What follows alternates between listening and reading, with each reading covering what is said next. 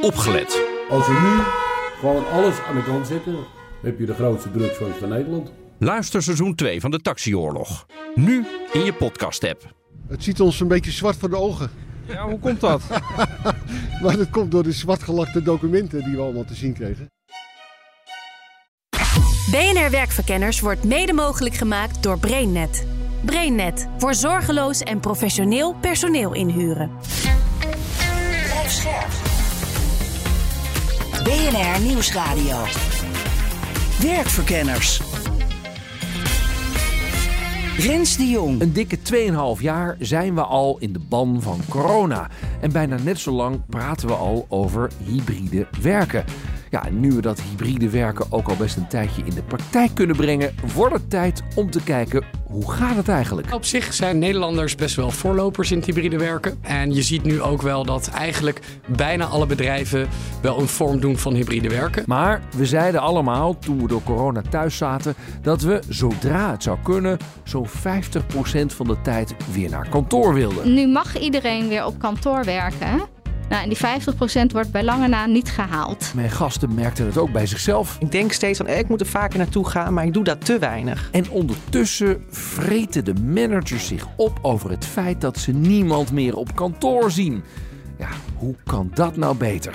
Nou, één ding is belangrijk. We moeten ideeën over hoe het ging voor corona helemaal loslaten. Het beeld wat we nog steeds in ons hoofd hebben, dat je van 9 tot 5 op kantoor moet zijn. Ja. Qua Ja. file druk is dat ook niet zo fijn. En het kantoor, moet dat dan een clubhuis worden? Of eerbiediger, een, een plek waar je elkaar kunt ontmoeten? Het lijkt me ook zeker verstandig om altijd een paar werkplekken te houden. Eh, ook weer afhankelijk van wie zijn je mensen en wat is het optimum eh, daarvoor. Maar hybride werken blijkt meer te vragen dan alleen een geschikte werkplek op kantoor en thuis. Wat mooi zou het zijn als we allemaal, nou ja, allemaal een beetje psycholoog zijn. En dat we de zwarte band halen in communicatie. Want volgens mij is dat echt nodig voor hybride werk. Ja. Werkverkenners. Nu we het al heel lang hebben over hybride werken en we het ook al wel een tijdje in de praktijk toepassen, leek het ons bij BNR Werkverkenners hoog tijd om eens te kijken hoe we het er vanaf brengen. Ik ben eh, Michiel Meijer, eh, een van de oprichters van Workwise. En Workwise is een softwareplatform wat bedrijven helpt in het faciliteren van het hybride werken. En met name in het faciliteren van equipment. Dus wij faciliteren bedrijven eh, in heel Europa en de US. eh, als ze een laptop nodig hebben voor hun werknemers thuis, of een stoel of een bureau, wat ze dan ook nodig hebben, dan verzorgen wij dat. Ja, dus het is een soort bestelplatform dan. Exact. Het is een bestelplatform waar bijvoorbeeld HR-managers en IT-managers gebruik van kunnen maken. Want binnen het hybride werken eh, merken wij dat het enorm veel tijd en geld kost voor die bedrijven om dat goed in te richten en te zorgen dat iedereen altijd maar de juiste spullen heeft. En ook als mensen vertrekken, dat die spullen dan weer netjes worden opgehaald. En dat is wat wij eh, met ons platform faciliteren. We hebben het in deze uitzending over hybride werken. Hoe goed zijn we er eigenlijk in? Nou, op zich zijn we er best succesvol in. Ik denk wel zeker dat als je kijkt over het hele spectrum van ondernemingen, eh, dat er nog, eh, nog een hoop te verbeteren valt. Ja, wat valt er dan te verbeteren? Nou, op verschillende, eh, op verschillende aspecten. Wat je bijvoorbeeld momenteel ziet, is dat aan de ene kant werkgevers vaak enigszins onrustig zijn. Want die willen graag dat hun werknemers iets meer naar kantoor komen. En werknemers zijn op zoek naar de flexibiliteit die ze eigenlijk gewend zijn van de laatste paar jaar. Eh, dat zorgt ervoor voor wat frictie. Ja. Eh, terwijl als je het goed inricht, hoeft die frictie er niet te zijn. Dan kan je echt een, ja, een heel succesvol hybride werkmodel inrichten. Die frictie merk ik ook als ik met mensen praat. Wat hoor jij? Nou, ik hoor aan de ene kant eh, dat, eh, dat werknemers zeggen... na 2,5 jaar eh, sinds het start van zeg maar, het hybride werken... heb ik nog steeds niet de juiste spullen. Als er iets misgaat, dan moet ik weken wachten totdat ik word geholpen.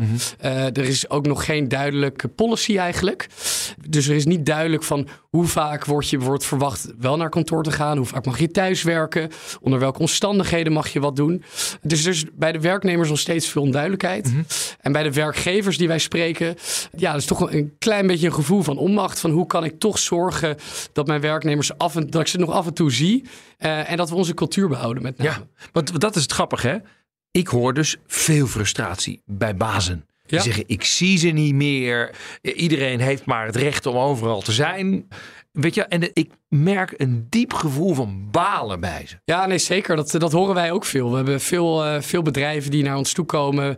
Nou, ik wil niet zeggen met hand in hun haren, maar het, uh, wel, wel inderdaad veel frustratie. Het hybride werken gaat niet meer weg. Mm. En uh, werknemers vinden die flexibiliteit enorm fijn. En ik denk ook dat als we het goed inrichten, dat het voor een hele fijne, uh, goed werkende samenleving kan zorgen. Mm. Dus uiteindelijk zullen ondernemers ook moeten accepteren dat er minder controle is. En dat je niet altijd maar elke dag je werknemer gaat zien of die zijn werk afmaakt. Dus het is ook een beetje het loslaten daarvan. Er wordt al het nodige onderzoek gedaan naar hybride werken. Ik ben Anke Gosselink, ben onderzoeker en programmamanager bij het Center for People and Buildings uit Delft. En wat doen jullie dan precies? Wij doen uh, onderzoek en verspreiden kennis over de relatie tussen mens, werk en werkomgeving. En je hebt net een onderzoek uh, gepubliceerd over hoe de implementatie van hybride werken verloopt. Vertel. Nou, we hebben in 2020 onderzoek gedaan naar uh, thuiswerken en de effecten daarvan. Langdurig onderzoek vanaf april tot en met oktober. En nu zijn we onderzoek gestart naar het werken, hoe het nu gaat. Mm -hmm. Dat is opgestart dit jaar. Het heet Werk in Transitie. En nu gaan we de organisaties in. We hebben ook een paar kenniskringen gehad om veel meningen en ervaringen op te halen. Ja, en wat hoor je? Wat, wat zijn de effecten voor wat je erover kan zeggen al? Een van de belangrijke elementen die we veel horen is natuurlijk verbinding en sociale cohesie. Dat mensen merken van, ja, hoe gaat dat nu? Missen we het? Uh, missen we de verbinding met de mensen? En een ander punt is de leegstaande kantoren. Ja, even over die verbinding. Hè. Vroeger praten we er niet over, want het was er gewoon. Wat je, wat je liep in dezelfde kantoortuin rond of op hetzelfde kantoor. Nu is het er niet meer. En nu hoor ik vooral uh, managers vragen: ja, hoeveel tijd moet ik ze terug gaan vragen op kantoor? Wat is de verdeling? De gulden snede. Ja. De, te, is dat de vraag inderdaad? Nou, dat is niet de vraag. De vraag wordt wel gesteld en heel veel gesteld. Ja. uh, maar er is geen eensluidend antwoord op natuurlijk. Mhm. Mm -hmm. Want het gaat dus heel erg over van ja, wat is je werk? Wat is je takenpakket? Wat zijn je ja, persoonlijke kenmerken? Wat je prettig vindt of niet? Maar het gaat ook heel erg over dus hoe weet je die verbinding te bereiken met elkaar? En wat we hebben gezien is dat tijdens de thuiswerkperiode zei iedereen een beetje van, nou, ik wil wel 50% van de tijd wil ik echt wel graag uh, weer op kantoor gaan werken. En dat vind ik ook belangrijk voor de sociale contacten en voor de ontmoetingen. En Mensen zitten minder op kantoor. veel minder. Ja? Ja. Wat, wat, wat zijn de getallen die jullie zien? Wat we nu horen als echt piekgetallen, en dan praat je over de echt drukke dagen op de dinsdag en donderdag, dezelfde dagen als voorheen, wordt maximaal 40% van de bezetting van de kantoren gehaald. Zo. Dus op zijn piek is het 40% bezetting. Ja, dat zien we nu. En dat kun je niet helemaal meteen relateren aan het aantal mensen natuurlijk. Omdat Mhm. sommige kantoren ook al wel voorheen waren flexibel ingericht. Dat niet iedereen zijn eigen werkplek had. Maar we zien dat de kantoren gewoon heel erg leeg zijn. En dat zien we zowel in de echte metingen als in, horen we in alle verhalen van mensen. Ja. Hè, Dat zijn vaak ook nog wel de argumenten waarom mensen dan eigenlijk zelf ook niet meer naar kantoor willen. Ja, omdat er gewoon niemand is. Ja, Ja. ik kom op kantoor, ik tref niet mijn collega, er is niemand. Waarom ga ik dan naar kantoor? En ook mijn laatste gast ziet een verschil tussen wat mensen zelf willen en wat de baas van hen verlangt. Ik ben uh, Aukje Nauta, ik ben organisatiepsycholoog. Ik ben bijzonder hoogleraar aan de Universiteit uh, Leiden uh, van, vanwege CIO, is een opleidingsinstituut. En daarnaast uh, ben ik vooral van mezelf. Ja. Hoeveel werk jij thuis? Best veel. Mhm. Ja, ik denk dat ik uh, nou, ongeveer 1 à 2 dagen thuis werk. En dan zit ik niet de hele dag thuis. Maar ik zit altijd wel een deel van de dag thuis. Want ja, ik zit eigenlijk nauwelijks op kantoor. Nee. Ja, ik heb gewoon een thuiswerkplek. Of eigenlijk twee. Soms zit ik aan een keukentafel en soms op mijn studeerkamer. En was dat voor corona anders? Eigenlijk was dat precies hetzelfde. Ik Ja. ging wel vaker naar de Universiteit Leiden. Daar zat ik dan één dag in de week. En ja, nu lukt het me niet om één dag heel structureel te vinden om naar Leiden te gaan. Dus ik ben er ontzettend weinig. Precies daar wil ik op aanhaken. Ik heb het gevoel dat ja, dat hele thuiswerkexperiment dat we sinds corona hebben, dat is ons volgens mij allemaal goed bevallen. Maar ik spreek steeds meer bazen die zeggen, dat doet maar.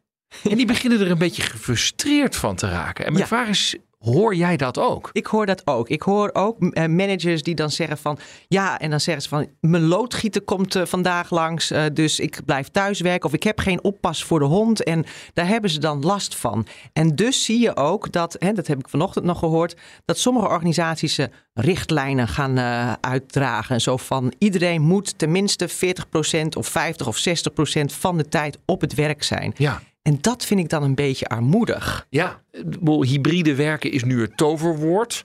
Hoe gaat het nu? Weet jij dat? Heb jij een beetje een idee van? Ik heb de, de, de precieze cijfers niet. Wel heb ik het idee dat het her en der dat mensen gewoon geneigd zijn in organisaties om iedereen weer naar kantoor te roepen. Of in ieder geval duidelijke regels eh, neer te zetten. Ja. En hoe het gaat. Ja, ik denk ergens toch eigenlijk ook wel weer goed. Want ik denk dat we allemaal efficiënter met onze tijd zijn gaan omgaan. He, dat we, als we nu denken van, goh, we willen eventjes iedereen bij elkaar roepen, maar uh, we hebben kantoren door heel Nederland. Dat het dan ook makkelijker is om even online te vergaderen. Dus ik wil ook eigenlijk vooral de winst benadrukken van dat we allemaal uh, de vaardigheden van Zoom, Teams of Google Meet hebben, hebben ontdekt. Ja, dus we moeten het niet zomaar weggooien. Absoluut niet. Maar we moeten het wel hebben over wat we nu soms kwijtraken. Uh, ja, en dat is dat fysieke contact. Kijk, mensen uh, hebben een basisbehoefte aan verbinding. Verbinding is ontzettend belangrijk. En dan is de onmiddellijke reflex van iedereen gezellig naar kantoor. Maar juist deze tijd is zo'n prachtige ja, opportunity, gelegenheid om ja, uh, brainstorms te organiseren van hoe we dat eigenlijk gaan doen. Straks de vraag hoe je het nou echt goed kunt regelen. En dat betekent ook dat je bepaalde dingen niet moet doen. Als je het echt alleen een clubhuis maakt, dus echt alleen een ontmoetingsplek, dan haal je denk ik niet het maximale eruit. Rens de Jong. Maar eerst maar eens even kijken naar waar werkgevers en werknemers nou precies moeite mee hebben. Aan organisatiepsycholoog Aukje Nauta vroeg ik waarom de baas eigenlijk zo gefrustreerd raakt over het vele thuiswerken. Want met corona deed iedereen het en toen ging het toch ook goed? Nou, volgens mij omdat de baas uh, net een mens is uh, die gewoon fysiek contact wil. We zijn kuddedieren, willen elkaar zien, ruiken, uh, de, de, de non-verbale communicatie kunnen zien. Dus het is een hele legitieme frustratie. Hè? Wil ze men, hij of zij wil ze mensen gewoon meer zien. Ja, ja, en, wat hoor jij nog meer van mensen? Oh jeetje, en daar vraag je zo wat. Ik, ik hoor frustraties als van uh, we spreken elkaar niet aan, we durven elkaar niet uit te spreken. En het is nog veel moeilijker als je elkaar alleen maar online ziet. Want dan zie je niet dat iemand met zijn been zit te wiebelen en daardoor een beetje zenuwachtig of boos is. He, dus, dus... Weet je het grappig? Ik had net had ik even een conversatie met mijn baas. En een uur geleden had ik met hem even een Teams meeting. Want ik kon er niet op tijd zijn. En het leuke is, hij zei net tegen mij. Rensje leek toch een beetje geïrriteerd. Klopt dat? En dat was ook zo. Ik was een beetje geïrriteerd. En uh, weet je, als ik niet nu op het werk was geweest... Had hij dat nooit gezegd? Had nog even lekker een maand doorgeënt. Klopt, ja. En dat is natuurlijk gewoon uh, de, de makke van al dat online uh, werken. En, uh, en dan zijn bazen geneigd om te denken van iedereen weer naar kantoor. Hè? Dan heb ik de hele roedel, dan heb ik de hele familie thuis. En dat is heel erg logisch. Ja. Maar waar het natuurlijk om gaat, is om de kwaliteit van de communicatie. He, dus de, en die kwaliteit van de communicatie is makkelijker fysiek. He, maar, en dan denk ik van het is een soort reflex om iemand weer iedereen naar kantoor te roepen. Dat is een soort van kwantitatieve micromaatregel. Maar waar het zou moet, om moeten gaan, is dat een leidinggevende ja, zijn frustratie uit. Ik wil jullie gewoon meer zien, vasthouden. Ik hou van jullie, bij wijze van spreken. Dan niet al te grensoverschrijdend. En Organiseer dan een fysieke brainstorm met je een gezellige bijeenkomst. waarin je ook uh, leert om beter met elkaar te communiceren. Dus mijn tip is: het gaat om de kwaliteit van de communicatie en het fysieke contact. En niet om de kwantiteit. Ja. Een ander hot issue wat momenteel speelt is dat heel veel organisaties worstelen met sociale veiligheid. Hè? Ja. Gewoon ook naar aanleiding van The Voice over grens, grensoverschrijdend gedrag. Ik vind het alleen maar mooi dat veel organisaties die ik spreek, die willen op een preventieve manier werken aan hoe gaan we nou op een fatsoenlijke manier met elkaar om. En als je dus hybride werken en dat sociale veiligheid met elkaar combineert, dan kun je een, een, een teamdag besteden aan hoe willen wij eigenlijk met elkaar omgaan. Ja. En dan kan het heel erg mooi zijn om nou, uh, bijvoorbeeld eens uit te spreken naar elkaar van mm, wat is eigenlijk mijn onhebbelijkheid als het gaat over omgaan met mensen en doe ik dat nou meer online of ook fysiek? En uh, ja, als je die onhebbelijkheden en waar je misschien ook wel een beetje voor schaamt dan uitspreekt, Mhm. dan kun je met elkaar afspraken maken over hoe je met elkaar omgaat en hoeveel daarvoor nodig is dat je elkaar fysiek ontmoet of juist niet. Onderzoek van het Center for People and Buildings laat zien dat thuiswerkende harde werkers ook wel willen zien waar hun collega's mee bezig zijn en hoe. Vertelt Anka Gosselink. Wat ook uit het onderzoek blijkt, is dat mensen die heel erg hard werken, dat ook vanuit intrinsiek motivatie vaak doen. Maar als zij zien of merken of denken te merken dat collega's niet zo hard werken, dan verliest de intrinsieke motivatie uh, Hmm. een beetje. Dus ook het met elkaar laten zien waar je aan bezig bent en wat de stand van zaken is, wat de voortgang is, hoe iedereen zijn steentje bijdraagt.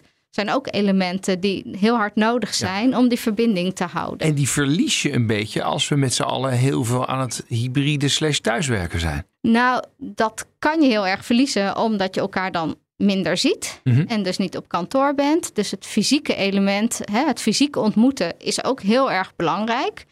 Gewoon om elkaar te zien, te voelen, te horen, dat soort zaken. Maar je kan het virtueel natuurlijk wel oplossen voor een deel. Hè. We zien bij de virtuele teams al heel lang dat dat eigenlijk vrij goed gaat als we elkaar maar wel af en toe fysiek ook ontmoeten. En wat is dan af en toe?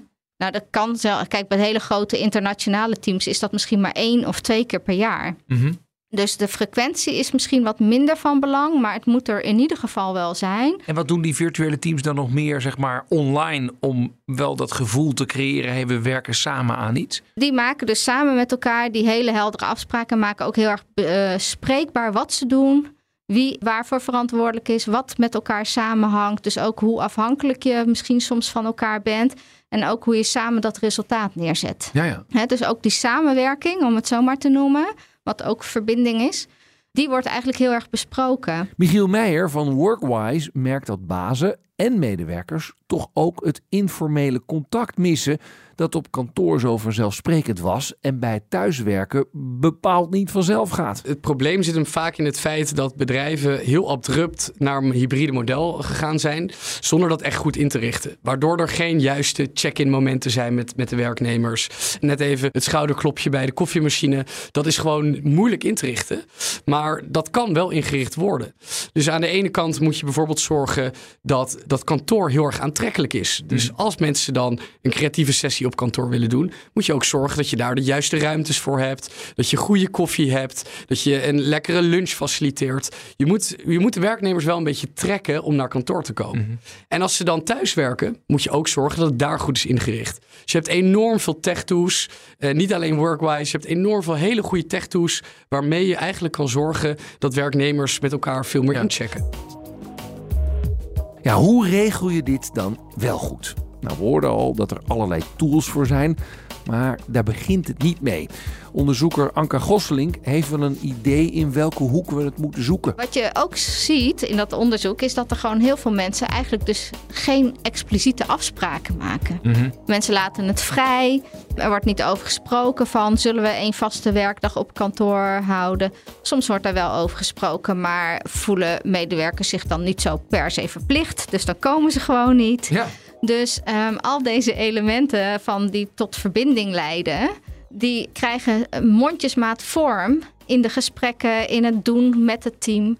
En daarom is dat eigenlijk ook het belangrijkste aandachtspunt. Ja. Dat je gewoon echt goed met elkaar over in gesprek gaat. Het grappige is eigenlijk, ik zie het een beetje als een relatie die niet helemaal lekker loopt. Je begint elkaar een beetje te verliezen. Je leeft een beetje langs elkaar heen. Ja, op eh, het werk heb je natuurlijk net zo relaties als je privé hebt. Alhoewel met een wat andere inhoud en lading. Ja. Maar uiteindelijk ben je natuurlijk op het werk ook gebonden in een bepaalde setting. Hè, met collega's in dit geval, in Maar- een team. Maar bij een stel moet je dan naar een relatietherapeut. En die gaat dan zeggen, wat wil je eigenlijk? En wa- wat is belangrijk voor jou? Moeten we dat ook op het werk gaan doen? Ja, dat eh, zouden we moeten doen. Dat gesprek dat gevoerd moet worden. Is dat echt een gesprek van, nou wat wil jij? Wat wil ik? Of gaat de baas gewoon zeggen, jongens, ik wil 60% dat jullie op kantoor zijn. Want dat is gewoon goed voor de cohesie. En die andere 40% mag je iets bedenken. Nou, ik zou het op allebei de wijze niet doen. Nee, ik zou zeggen van volgens mij moet je met elkaar als team goed ook doordrongen zijn van waarom dingen belangrijk zijn. Hmm. En als je weet van het is heel fijn en belangrijk en ik leer van elkaar hè, als we bij elkaar zijn. Dus daarom is het ook belangrijk om gewoon die tijden wel bij elkaar te zijn. Dan is het ook helemaal geen probleem om te komen, denk Nee. ik. Toch, want dit wisten we eigenlijk al voor de zomer. Dus we we hebben al heel wat uitzendingen over hybride werken gemaakt. En daar werd er gezegd, nou ja, we moeten afspraken gaan maken. Op een of andere manier is dat dus nog bij heel veel bedrijven niet gebeurd. Herken je dat? Ja, dat herken ik heel goed. Want ja, voor 2020, dus voordat het thuiswerken inging, was dat eigenlijk ook al een issue. En dan benoemden we het veel minder hard. Maar afspraken maken, aanspreekbaar zijn. eh, ik doe het wel, maar de ander doet het niet. Ehm, dat zijn allemaal argumenten die we al heel lang in onderzoek horen. Maar wat thuiswerken heeft gebracht, is dat dit dus veel explicieter naar voren komt. En dat het ook echt om veel ja, daadkrachtigere acties vraagt. Ja, dit maar misschien ook wel strenger. Want wat jij zegt is van, ja, daar hebben we afgesproken, we zijn er. Maar dan is Pietje er niet vanwege, weet ik veel, geen oppas voor de hond. Dan denk je, ja, hallo. Weet je wat, dan ga ik het ook niet meer doen. Dus weet je, als we die cultuur weer een beetje willen ombuigen, dan zullen we wel heel expliciet moeten worden. Van wat willen we nou van elkaar en hoe kunnen we van elkaar op aan? Ja, dat klopt. En dat is, dat is voor eh, ons als werkende mensen soms schijnbaar behoorlijk moeilijk. maar je moet elkaar inderdaad ook echt durven aanspreken op van... goh, waarom was je er dan niet? Wat was dan echt de reden? En ja, kijk, ik denk oppas voor de hond is hetzelfde als oppas voor een kind. Als je moet werken, moet je werken. En dan regel je dat dus gewoon. En ook organisatiepsycholoog Aukje Nauta gelooft heilig in de tijd nemen om het gesprek erover aan te gaan. Het grote nadeel van hybride werken is het gebrek aan verbinding. En, en verbinding is voor zoveel dingen goed. Hè? het, is een, het is een oorzaak en gevolg van, van heel veel dingen. Dus, dus besteed daar eh, expliciet aandacht aan. En dat dat belangrijk is, ja, dat wijzen recente cijfers ook weer uit. Ik heb laatst nog eens de cijfers van TNO eh, bestudeerd over de werkgeversenquête. Waaruit blijkt dat de autonomie achteruit holt. Dat er minder overleg is over arbo en verzuim en eh, arbeid en rusttijden. Eh, en dat, er, dat werkgevers ook minder maatregelen nemen om zoiets als psychosociale arbeidsbelasting. Dat is een dure term voor dat je niet helemaal lekker in je vel zit op je werk. Dat werkgevers die maatregelen minder nemen. En ik vind dat echt heel erg Maar zorgwekkend. waar ligt dat dan aan? Nou ja, volgens mij ligt dat aan eh, ja, de coronatijd waarin we elkaar minder zagen. Dus inderdaad dat gebrek aan verbinding. Plus de enorme personeelstekorten, waardoor iedereen zo druk is dat mensen niet meer de tijd nemen om rustig dat gesprek te voeren. Dus ik maak me wel degelijk zorgen over. Het is belangrijker dan ooit om dat gesprek over hoe we samenwerken te voeren. Maar het gebeurt minder en minder. Hm. Dus ik wil wel echt oproepen: werkgevers gaan aan de bak. Ja, en ehm, als ik nou kijk naar wat je zegt, hè, we- we- je zei ergens, eh, zei je van ja, zo'n baas zegt over, joh, ik hou van jullie, ik wil jullie zien, eh, hè, ik, ik wil die groep bij elkaar. Ja, Nou, spreek dat dan uit, hè, dat zullen mensen op aangesproken voelen, Ehm, kan ik me voorstellen. Ik denk dat werknemers eh, in deze tijden misschien wel hele andere behoeftes hebben. zoals? Met rust gelaten worden. Gewoon lekker eh, mijn werk kunnen doen. Eh, ik heb mijn werk in eh, vier dagen af in plaats van vijf dagen af. Omdat, omdat Nou, dat is de beste manier om uiteindelijk in een soort van bore-out te belanden. of eh, te denken van, hmm, vind ik mijn werk nog wel leuk? oh ja. Ik, eh, ik ben fan van eh, ehm, ja, een beetje college. Hè? Amy Edmondson die heeft een boek geschreven over de Fearless Organization. Hè? Van wat kun je nou doen om met z'n allen prettig en veilig samen te werken. En zij zegt wat je eigenlijk nodig hebt is zowel psychologische veiligheid. Dat je eigenlijk alles durft te zeggen wat je op je hart hebt. Maar ook een soort van ambitie. Hè? Dat je echt met z'n allen eh, voor iets gaat. En eh, als beide laag zijn dan is het een apathische organisatie. Als het hartstikke psychologisch veilig is, eh, maar er gebeurt eigenlijk niks, dan kom je in een comfortzone en dan ga je gewoon in slaap vallen. Er is gewoon niks aan. Eh, maar als je en psychologische veiligheid hebt en ambitie, ja, dan zit je in een cultuur van leren, innoveren en creatief zijn. Ja. En dat is in ieder geval ook veel beter dan psychologische veiligheid laag en ambitie hoog, want dan heb je een angstcultuur. En jij zegt, daar kom je alleen maar uit als je het er met elkaar over gaat hebben. Hoe je Ja. dit wil bereiken. Ja, en dat is natuurlijk wel heel moeilijk, want we zijn op het werk zo ontzettend gewend om het vooral over de inhoud te hebben, de taak, hè, wat staat ons te doen. En wat we veel te weinig doen, is dat metagesprek, het gesprek hebben over het gesprek. En hè, we zijn eigenlijk allemaal een beetje psychobeet. Ik zag laatst in het nieuws dat werkgevers proberen om werknemers weer naar het kantoor te lokken. Al- Als ware het de, de savanne, weet je Waar je stukken vlees voor de neer- leeuwen neerlegt. En dat zijn dan smoothie bars en eh, weet ik veel, eh, Chesterfields en eh, pooltafels. Ik ook zie al meewarig eh eh, nee schudden. omdat ik denk van, goh, waarom zoeken mensen eigenlijk toch eigenlijk altijd in van die consumptieve dingen als gadgets en, en auto's en stoelen en weet ik veel wat, terwijl we wat weten, uit de- nou ja, gewoon de basisbehoeften zijn autonomie, competentie en verbinding. Dus een leuk gesprek met je leuke collega's doet zoveel meer dan eh, in een eh, gekleurde stoel een smoothie drinken. Ondernemer Michiel Meijer ziet ook welke vruchten de juiste tools hierin kunnen afwerpen. Ik denk wel dat je juist ook communicatie goed op kan lossen door ook de juiste dingen te faciliteren. Bijvoorbeeld, je hebt tools waarbij je via bijvoorbeeld een Slack of een Microsoft Teams automatisch kan zorgen dat mensen randomly aan elkaar gesigned worden voor een virtuele koffiechat. Nou, dat soort kleine voorbeelden, als je er daar veel, veel van doet, dan zorg je er eigenlijk voor dat hetgeen waar je eerst iemand tegenkwam bij de koffiemachine, dat dat ook bij het thuiswerken goed is. Serieus, zijn er mensen die dat... Er is toch echt niemand die dat geactiveerd heeft Nou, het, het zal je verbazen. Veel van onze klanten gebruiken dit soort tools. meen je niet. We hebben zelfs, eh, we hebben zelfs één klant, Otrium, en die heeft gewoon echt een, een virtuele main office. Ja. Eh, dus die hebben ook kantoren en die, eh, die zeggen ook van nee, als je hier komt, word je, word je goed verzorgd. Maar ons, ons hoofdkantoor is, is in de cloud. Oké. En daarmee zorgen ze dus echt dat ze aan alles hebben gedacht qua dat mensen elkaar ontmoeten daar online. Dat mensen, Hoe ziet dat er dan uit? ja, je moet het zien als een soort van virtuele omgeving. eh, waar je alles kan vinden, waar je informatie kan vinden. Waar je met elkaar kan chatten. Ook niet alleen over werk, maar En ook dat, over... en dat gebeurt ook daadwerkelijk. Dat, dat gebeurt. Nou is natuurlijk Otrium een hartstikke snel groeiende start-up met jonge mensen en hippe dingen en zo. Ik kan me wel voorstellen dat misschien traditionelere bazen zeggen, ja, weet je wel, allemaal leuk met al die eh, fratsen van jou. Gewoon naar kantoor komen. Wat dachten we daarvan, de jong? Ja, nee, zeker. Dus er is een heel spectrum van bedrijven. Maar bijvoorbeeld een andere klant van ons, Friesland Campina. Een iets eh, ja, wat, wat ouder gevestigde eh, bedrijf. En ook zij zijn heel erg bezig met hoe kunnen we het hybride werken laten, laten werken. Alleen wat denk ik heel belangrijk is, is dat daar de optimale oplossing bij zo'n bedrijf is anders dan een optimale oplossing bij Otrium. Ja. En dat is gewoon afhankelijk van wie zijn je werknemers, hoe oud zijn ze, willen ze heel vaak per week bij elkaar komen of niet, Eh, hoe ver wonen ze van de office. Al dat soort variabelen beslissen uiteindelijk wat het optimale is om hybride werken in te richten. Ja. En eigenlijk de start is dus je werknemers goed leren kennen, eh, veel met ze praten en er dan achter komen eh, wat je het beste kan doen qua hybride werken. En veel werkgevers hebben dat nog niet optimaal gedaan. Nou, conclusie van deze uitzending: hybride werken is here to stay. En hoewel we natuurlijk ook bewust op zoek gingen naar wat er nog niet goed gaat, word ik er ook nadrukkelijk op gewezen dat er wel heel veel goed gaat en dat hybride werken nieuwe kansen biedt. De klachten die er zijn gaan dan vooral over de verhouding thuis en op kantoor. We waren het echt van plan om meer naar kantoor te gaan, maar in de praktijk doen de meeste mensen het toch nog wel heel erg weinig. Ja, waar moet je dan nu je energie in steken als baas? Meer mensen naar kantoor lokken of zorgen dat mensen thuiswerkend ook goed kunnen functioneren en de verbinding met de organisatie en elkaar kunnen maken? Nou, je moet beide doen, hoor ik. En hoe doe je dat dan? Nou, het begint met weten wie je medewerkers zijn en wat zij nou willen en nodig hebben. En dan moet je er vooral het gesprek over aangaan. En dan, desnoods een beetje streng, duidelijke afspraken maken. En natuurlijk, overal heeft de pandemie veel meer leed opgeleverd dan plezier.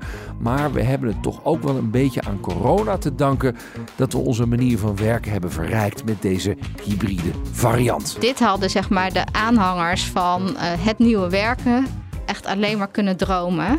Omdat er daardoor zoveel in gang is gezet. Wat eigenlijk de gewenste filosofie was, laat ik het zo maar zeggen. En het hele mooie is natuurlijk wel dat we ook echt ervaren hebben met elkaar dat het kan. Maar ook waar het soms nog moeilijk is. Dus wij van Werkverkenners zouden zeggen, vooral doorgaan. Dit was Werkverkenners voor deze week. Productie en redactie Nelke van der Heijden. Mijn naam is Rens de Jong.